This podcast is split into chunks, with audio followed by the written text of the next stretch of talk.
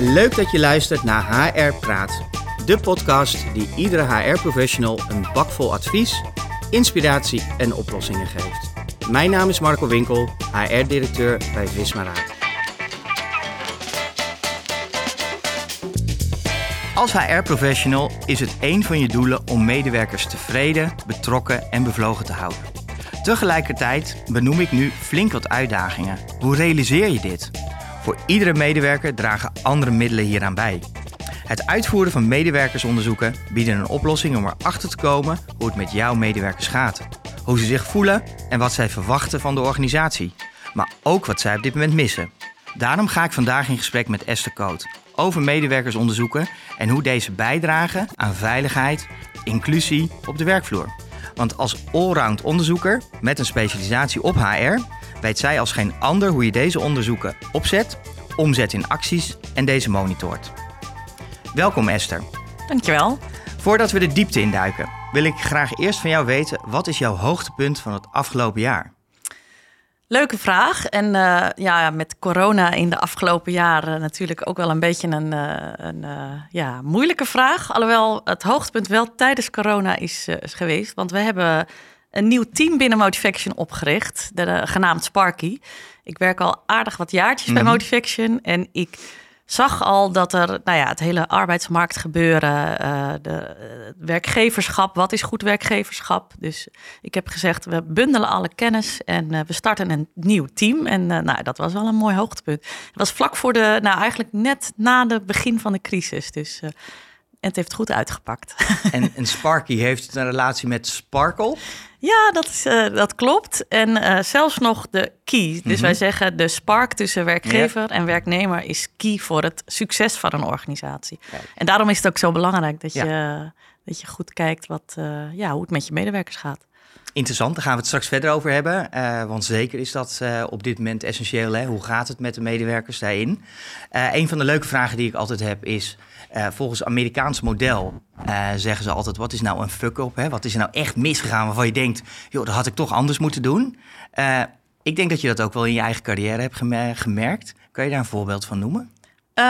ja, dat kan ik. Eerlijk gezegd was dat ook tijdens -hmm. corona. Het is allemaal nog vrij recent. Ehm, ik heb altijd gewild, ik ben ook leidinggevende hè, van dat team. En ik heb altijd gezegd, gezondheid staat bij mij bovenaan. En ik vind het heel belangrijk dat medewerkers uh, het aangeven als ze het niet meer aankunnen. En tijdens corona was dat toch echt wel lastiger. Iedereen werkte thuis. Je, moet, je één op één doe je met, uh, met je teamleden via, de, via Teams of op een andere manier. En nou, er is toch iemand ziek geworden. En ja, achteraf denk ik, ja, ik heb het wel gevoeld. Je voelt het aankomen, maar toch glipt het een beetje door je vingers. Dus ja, dat is wel een, uh, een tegenvaller, laat ik het dan zo zeggen. Dus ook echt wel geleerd ervan dichter bij die medewerker gaan zitten. Ja, toch meer op je gevoel. Uh, ik ben wel echt van de cijfers mm -hmm. hè, als onderzoeker. Maar ja, je onderbuikgevoel is vaak toch ook wel heel, heel duidelijk. Ja. Helder, daarin. Leuk, goede vraag daarin.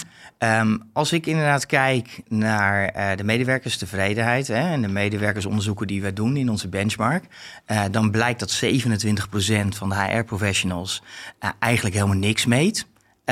en van die 27% zegt zelfs 7%, nou, dat gaan we ook niet doen. En als je dan nadenkt als HR-professional, dan zou je dat toch moeten inzetten. Ik, ik verbaas mij wel over die cijfers. Ja, ik ook. Ik uh, vind het eigenlijk best wel schrikbarend. En vooral die 7% is maar weinig.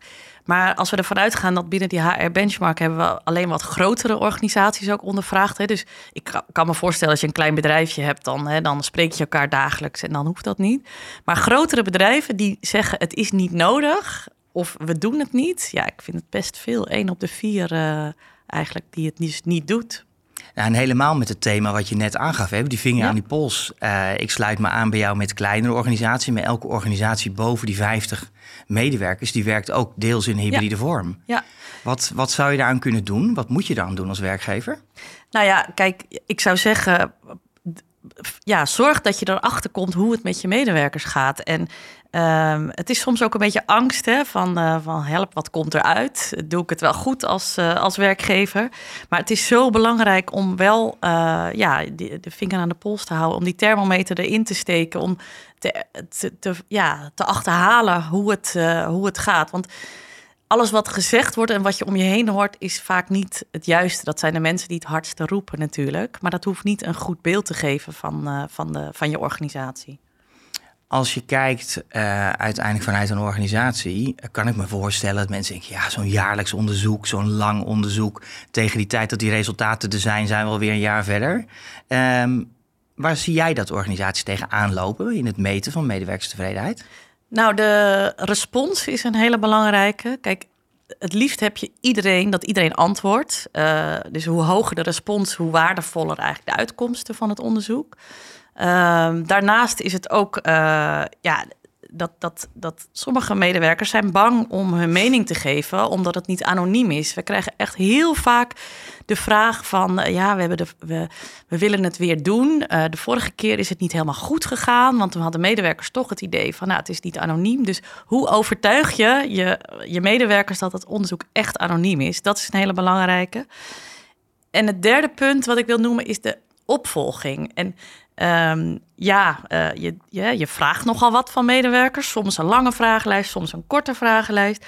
Maar hoe, um, hoe zorg je er nou voor dat je, dat je er ook echt iets mee doet? Dus een snelle opvolging.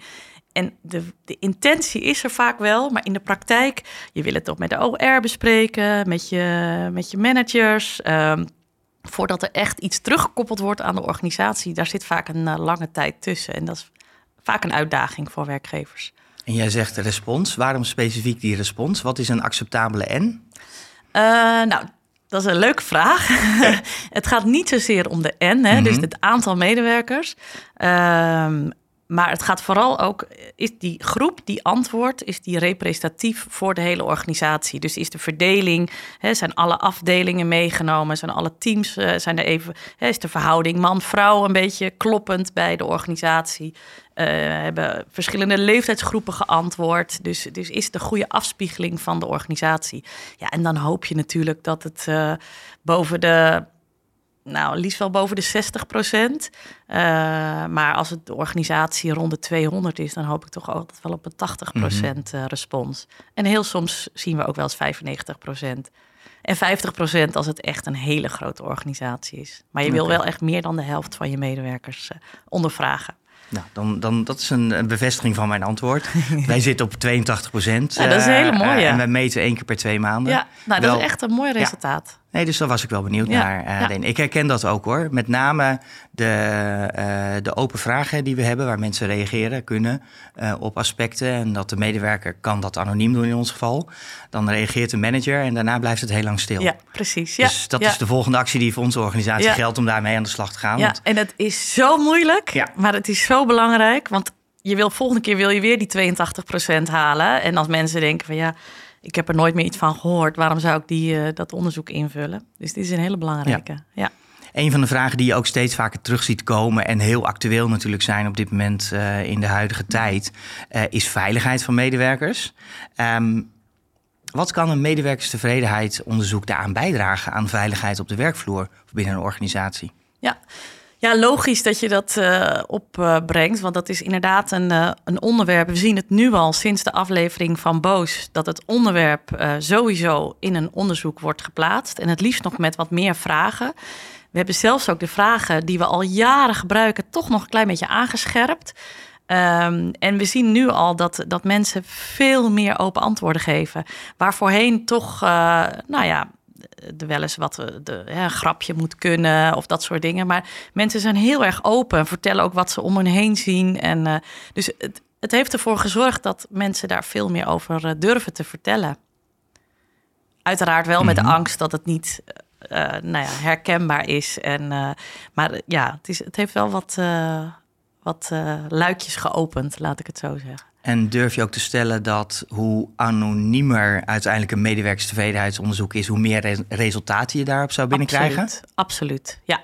Okay. Ja, ik denk dat het daarom is die anonimiteit zo belangrijk. Um, ik vind dat, dat medewerkers moeten in dat onderzoek gewoon hun, uh, ja, hun ei kwijt kunnen.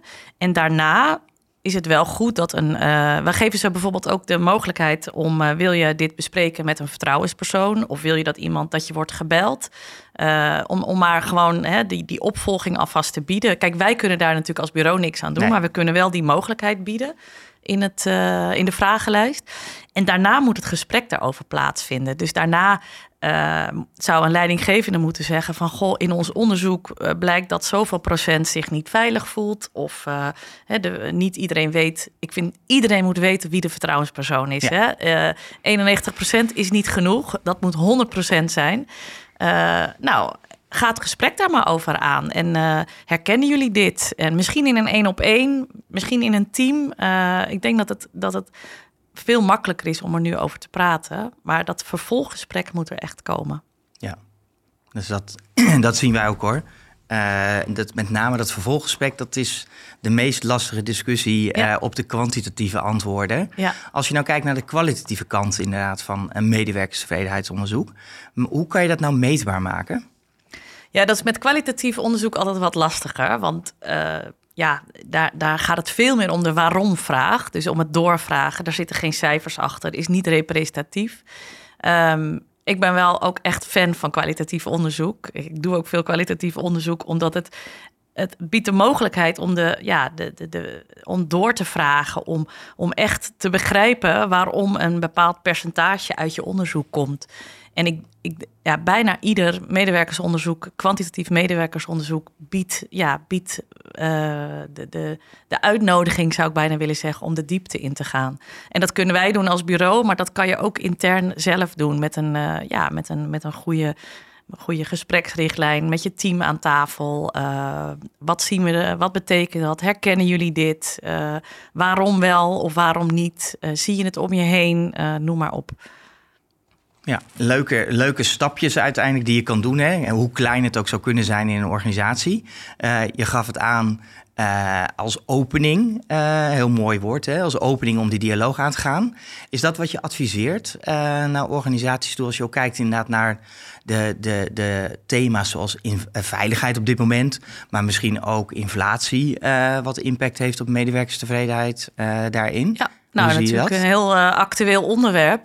Ja, ik denk ook zeker dat, uh, nou ja, dat dat wel impact gaat hebben op medewerkers. En ik, ik denk ook dat uh, hoe jonger de generatie, hoe makkelijker mensen wel daarover durven te praten. Dus uh, ja, ik denk zeker dat we daar ook gaan uh, rekening mee gaan houden in medewerkersonderzoeken. En om daar gewoon ook het gesprek over aan te gaan. Wat, heeft, wat, wat, zijn, wat is de impact op jou als, als mens? en niet alleen als werknemer, maar ook op je privéleven bijvoorbeeld. En uiteindelijk gaat het natuurlijk ook zo weerslag hebben op mensen als werknemer.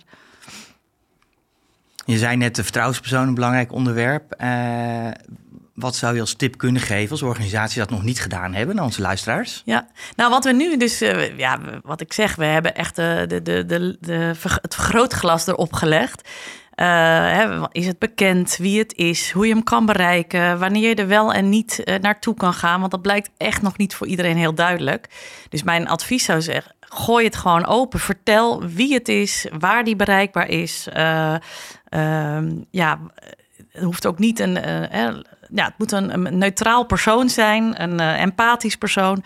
Maar vooral breng het aan het licht wat, wie het is. En, en ehm, ja, zet de voordeur open eh, naar die persoon. Eigenlijk communiceren op intranet, per mail. en maak duidelijk, uh, hij is er voor jou als medewerker om je te helpen. Ja, en de huidige gebeurtenissen zijn natuurlijk een hele mooie aanleiding daarvoor. Dus ja. Uh, zie nee, dus- gelukkig dus... al dat het veel gebeurt hoor. Dus, uh... Ja, ik ben ook blij in onze resultaten. Dat we in ieder geval weten hoe ze gevonden kunnen worden ja, daarin. Precies, ja.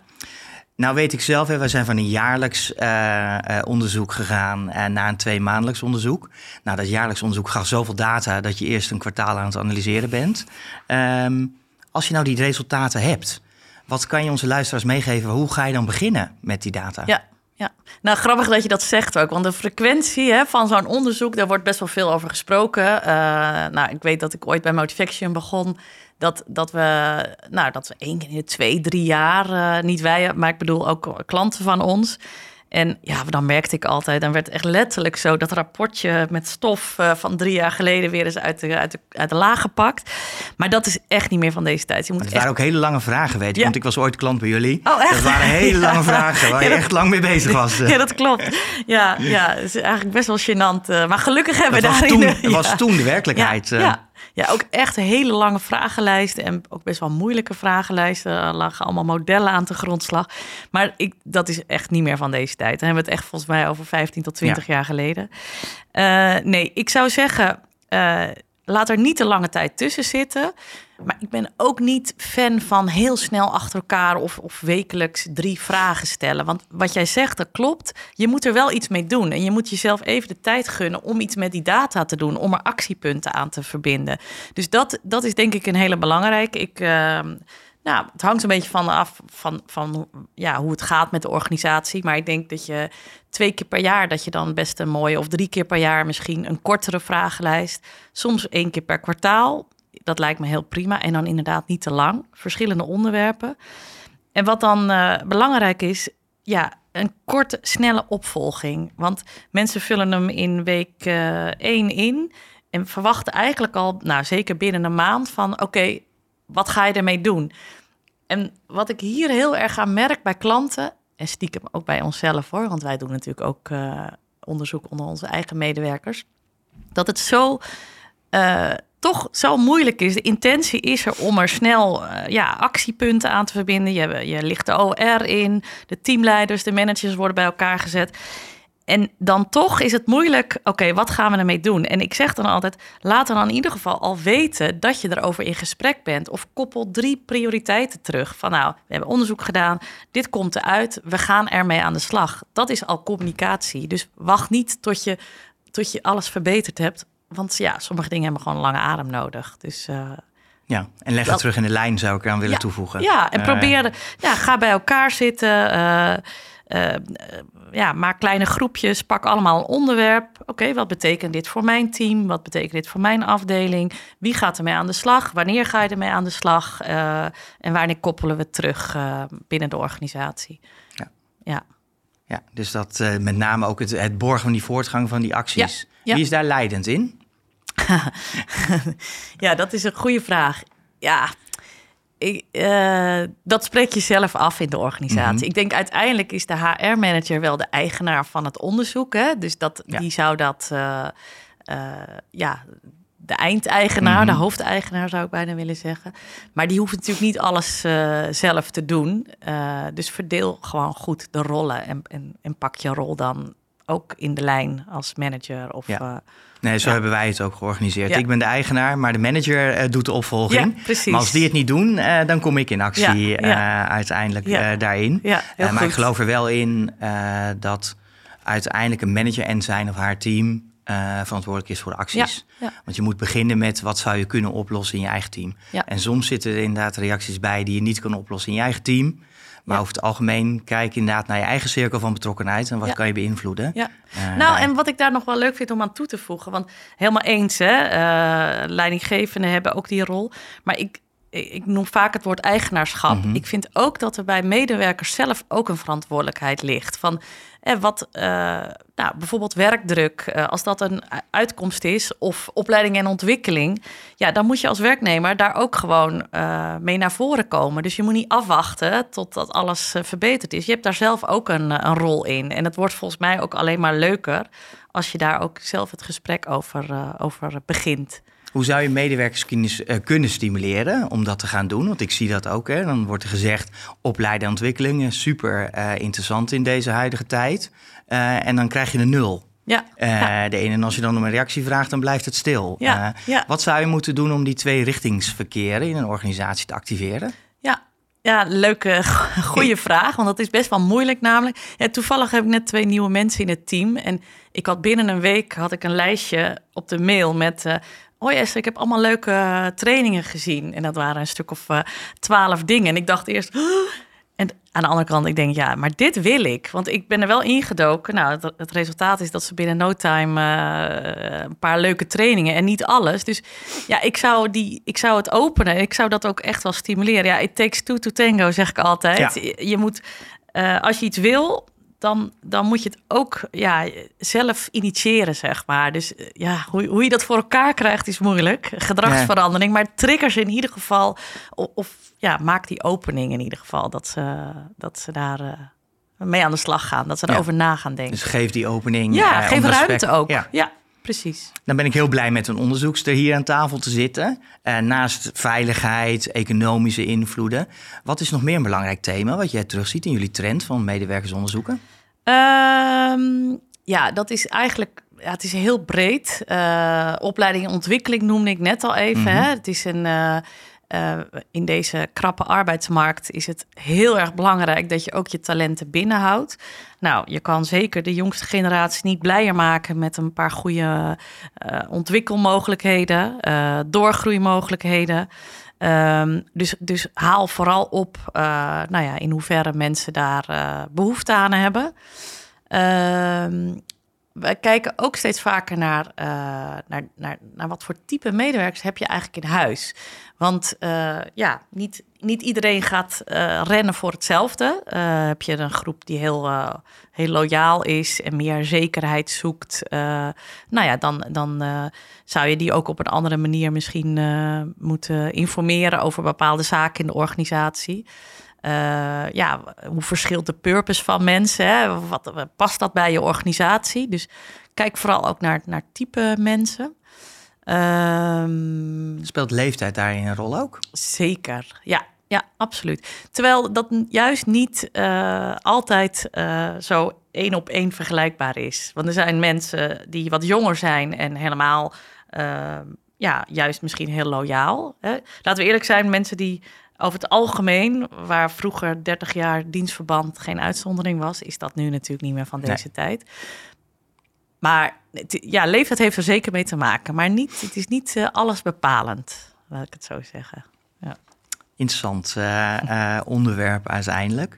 Als je nu luistert, dan kan ik me afvragen dat je heel erg op zoek bent. Nou, ik ben nog niet gestart.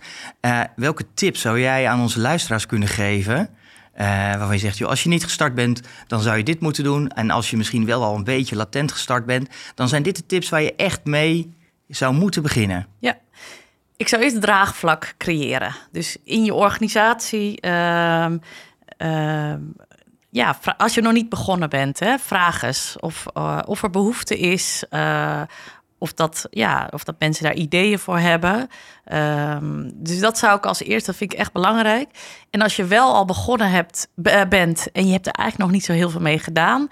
Uh, ga dan eens opnieuw naar die cijfers kijken en, en uh, ja, duik er eens in, duik eens de diepte in. Wat ik net al aangaf met een kwalitatief onderzoek bijvoorbeeld. Van waarom vindt zoveel procent dat wij als werkgever meer aan de gezondheid moeten werken. Ik zeg maar wat. Hé, hey, waar zit hem dat in? Wat kunnen we dan doen daar? Uh, ga eens met een, uh, groepje medewerkers aan tafel die daar bijvoorbeeld ideeën over hebben. Of, uh, dus, dus, dus duik echt zeg maar de diepte in om de cijfers ja, goed kleur te geven. En wat ook heel erg belangrijk is, en, en dat is eigenlijk hoort een beetje bij wat ik net zei, dat draagvlak creëren. Uh, wat wil je bereiken met dat medewerkersonderzoek? Doe het niet omdat het nou eenmaal moet, of omdat de OR zegt dat het moet, of omdat je een PSA-onderzoek moet doen en dan voeg je maar wat vragen. Maar doe het echt vanuit de intentie om, ja, om, om je werkgeverschap uh, uh, te verbeteren. En ik, ik noem het woord verbeteren ik, ik reed hier naartoe in de auto en toen dacht ik ook... maar laten we ook niet vergeten dat een medewerkersonderzoek ook gebruikt kan worden...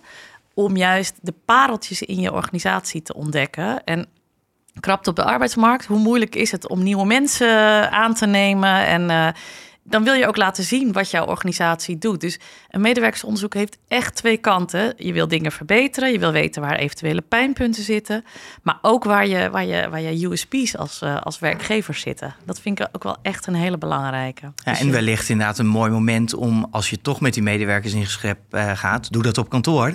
Uh, regel een lunch ja. en zorg ervoor dat het ook ja. leuk is om met jou als HR of managers in gesprek te gaan. Ja, er moet een beetje een positieve vibe ontstaan rondom het onderzoek. Ja. De laatste vraag die ik altijd stel uh, aan het einde van mijn podcast uh, is um, de anekdote. Als je nou kijkt naar het onderwerp, kan je onze luisteraars een mooie anekdote meegeven waarvan je zegt, joh, maar dat is echt, ja, dat, dat zou ik ze willen meegeven. Ja, dat, nou, ik, ik, ik zei net al, hè, ik ben ook echt wel fan van uh, kwalitatief onderzoek. Goed de diepte in uh, uh, de waarom-vraag. Nou, ik heb van de week toevallig ook een aantal interviews gedaan. En dat ging een beetje over de toekomst en, en hoe jij je als werknemer, hoe je je toekomst ziet. Een beetje ook gelinkt aan pensioen bijvoorbeeld. En toen heb ik ook een aantal jongeren geïnterviewd. En ik schrok eigenlijk een beetje, want die begonnen allemaal over... ja, ik zou wel willen weten wanneer ik kan stoppen met werken. En dan denk ik, je bent nog zo jong. Je bent net gestart. En je, bent net gestart. Je moet nog heel lang. En dan, ik, ik, krijg bijna, ik kreeg bijna een beetje medelijden van... Uh, laten we nou echt zorgen dat ook hè, de, de jongeren... Dat, nou ja, dat ze, dat ze, dat ze hun, hun werkende leven met plezier uh, doorgaan. Dat ze op hun plek zitten en uh, ja, dat, dat ze het gewoon lang volhouden. Want ja, dat is, uh, het, het zijn nogal wat jaren die je dan door moet. Dus daarom, nou, ik moest denken aan het, uh, aan het ja, goed werkgeverschap en het, het, meten van, je, van de werkbeleving in je organisatie. En denk ik, ja, vooral bij die jongeren, hou, hou goed de vinger aan de pols hoe, het, hoe het met ze gaat en hoe je ze goed op hun plek kan houden. Ja, een heel, heel mooi thema waar ik graag nog een keer verder met je over in gesprek wil. Uh, ja, want ja, hoe hou je nou die medewerkers tevreden? Zowel inderdaad de jonge als de oudere populatie. In combinatie natuurlijk met het pensioenakkoord wat er aankomt. Ja, uh, Want ja, daar houden we ook inderdaad, zullen we ons in de komende jaren ook zeker mee bezig moeten houden. Wat impact zal hebben op medewerkers, op de duur, op uh, uiteindelijk hun dienstverband. en de engagement binnen een organisatie. Ja. Voor nu wil ik je bedanken inderdaad voor dit leuke gesprek. We kunnen nog wel langer doorgaan, maar we houden ons aan de tijd van de podcast uh, daarin. We zijn aan het einde gekomen van deze aflevering. Uh, bedankt voor dit interessante gesprek, voor de mooie en waardevolle toegevingen voor onze luisteraars. En wil je meer weten over medewerkerstevredenheid, betrokkenheid, bevlogenheid of andere HR-uitdagingen? Ga dan naar www.vismaraad.nl.